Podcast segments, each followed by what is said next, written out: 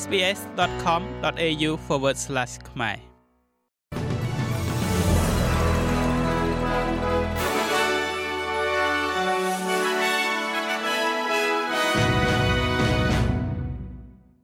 សូមស្វាគមន៍មកកាន់នេតិព័ត៌មានខ្លីៗរបស់ SBS ខ្មែរសម្រាប់ថ្ងៃប្រហ័សទី7ខែធ្នូឆ្នាំ2023ការពិនិត្យសាររើឡើងវិញដ៏សំខាន់មួយនៅក្នុងគម្រោងធានារ៉ាប់រងពិការភាពជាតិ ហៅកាត់ថា NDIS បានរកឃើញថាប្រព័ន្ធគ្រប់គ្រងពិការភាពរបស់ប្រទេសអូស្ត្រាលីពឹងផ្អែកខ្លាំងជ្រុលទៅលើគម្រោងនេះដែលបណ្ដាលឲ្យមានជំរើសនឹងការគ្រប់គ្រងមានកម្រិតសម្រាប់អ្នកប្រើប្រាស់របាយការណ៍ឯករាជ្យដែលបានចេញផ្សាយនៅថ្ងៃនេះផ្ដល់អំណាចដោយរដ្ឋាភិបាលដើម្បីពិនិត្យមើលលើប្រសិទ្ធភាពនៃគម្រោងនេះគណៈដែលការចំណាយកើនឡើងនៅក្នុងអត្រាមិនអាចទប់ទល់បានពោលគឺ14%ក្នុងមួយឆ្នាំ។ គេបានរកឃើញថារដ្ឋាភិបាលបានពឹងផ្អែកខ្លាំងជ្រុលពេកទៅលើ NDIS ដែលជាប្រភពផ្ដល់ជំនួយលេចធ្លោឬក៏តែមួយគត់សម្រាប់ជនពិការហើយផ្ដល់អនុសាសន៍ឲ្យបង្កើតជំនួយជាមូលដ្ឋានសម្រាប់ជនពិការអូស្ត្រាលីទាំងអស់ដោយមិនគិតអំពីថាតើពួកគេស្ថិតនៅលើគម្រោង NDIS ឬក៏អត់នោះទេ។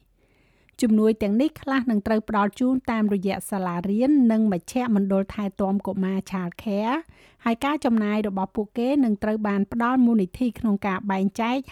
50-50ជាមួយនឹងរដ្ឋាភិបាលថ្នាក់រដ្ឋរដ្ឋនិងដែនដីក៏បានយល់ព្រមនៅក្នុងការជំរុញការរួមចំណែករបស់ពួកគេចំពោះ NDIS ដោយរដ្ឋាភិបាលសហព័ន្ធមានគោលបំណងកាត់បន្ថយកំណើននៃគម្រោងនេះនៅត្រឹមតែ8% មួយទៀតនោះពាក់ព័ន្ធជាមួយនឹងការវាយតម្លៃសាលារៀនជាលក្ខណៈអន្តរជាតិមួយ ដែលបានរកឃើញថាសិស្សសាលាអូស្ត្រាលី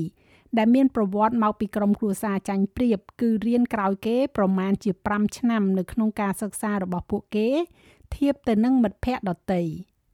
កម្មវិធីសម្រាប់ការវាយតម្លៃសិស្សនិស្សិតអន្តរជាតិ PISA សម្រាប់ឆ្នាំ2022 បានរកឃើញថាសាសាឡាអូស្ត្រាលីកំពុងធ្វើបានល្អជាងមិត្តរួមចំនួននៅឯបរទេសរបស់ពួកគេ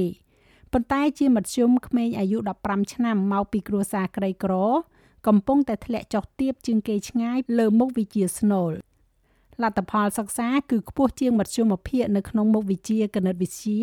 វិទ្យាសាស្ត្រនិងអក្សរសាស្ត្រប៉ុន្តែសិស្សមកពីតំបន់ជនបទនិងតំបន់ដាច់ស្រយាល ស្ថិតនៅក្នុងលក្ខខណ្ឌចាញ់ប្រៀបគេជាមួយនឹងសិស្សជនជាដើមភាគតិចរៀនក្រោយគេជាមធ្យម4ឆ្នាំរដ្ឋមន្ត្រីក្រសួងអប់រំលោក Jason Clare មានប្រសាសន៍ថាលទ្ធផលដែលបន្តពីលើលទ្ធផល NAP Plan ថ្មីថ្មីនេះនឹងការរកឃើញពីអង្គការស្រាវជ្រាវអប់រំអូស្ត្រាលី បង្ហាញថាប្រព័ន្ធអប់រំរបស់ប្រទេសអូស្ត្រាលីគឺល្អប៉ុន្តែអាចប្រសើរជាងនេះនិងយុត្តិធម៌ជាងនេះ។ ចុងក្រោយនេះពាក់ព័ន្ធទៅនឹងខ្យល់ព្យុះ Cyclone Jasper នៅរដ្ឋ Queensland ដែលត្រូវបាន upgrade ឬក៏ដំឡើងទៅជាប្រព័ន្ធកម្រិតទី3ដែលយើងហៅថា Category 3ហើយគេរំពឹងថាវានឹងកាន់តែខ្លាំងក្លាបន្ថែមទៀតនៅពេលដែលវាផ្លាស់ទីឆ្ពោះទៅឆ្នេរសមុទ្ររដ្ឋ Queensland ការិយាល័យឧតុនិយមបាននិយាយនៅក្នុងការព្យាករណ៍ចុងក្រោយរបស់ខ្លួន ថាខ្យល់ព្យុះ Cyclone Jasper ត្រូវបានគេព្យាករណ៍ថានឹងឈានដល់កម្រិតខ្លាំងប្រភេទទី4នៅថ្ងៃនេះ នឹងអាចឡើងទៅជាប្រភេទទី5នៅយប់នេះគឺយប់ថ្ងៃប្រហ័សនេះ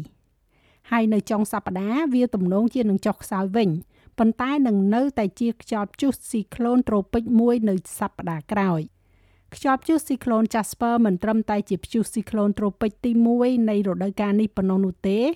ប៉ុន្តែគេជឿថាវាជាព្យុះទី1ដែលបានវាយលុកប្រទេសអូស្ត្រាលីក្នុងខែធ្នូក្នុងអំឡុងពេល El Nino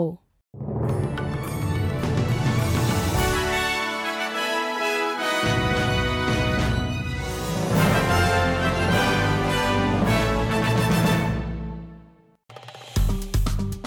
ចុច like share comment និង follow SPS ខ្មែរនៅលើ Facebook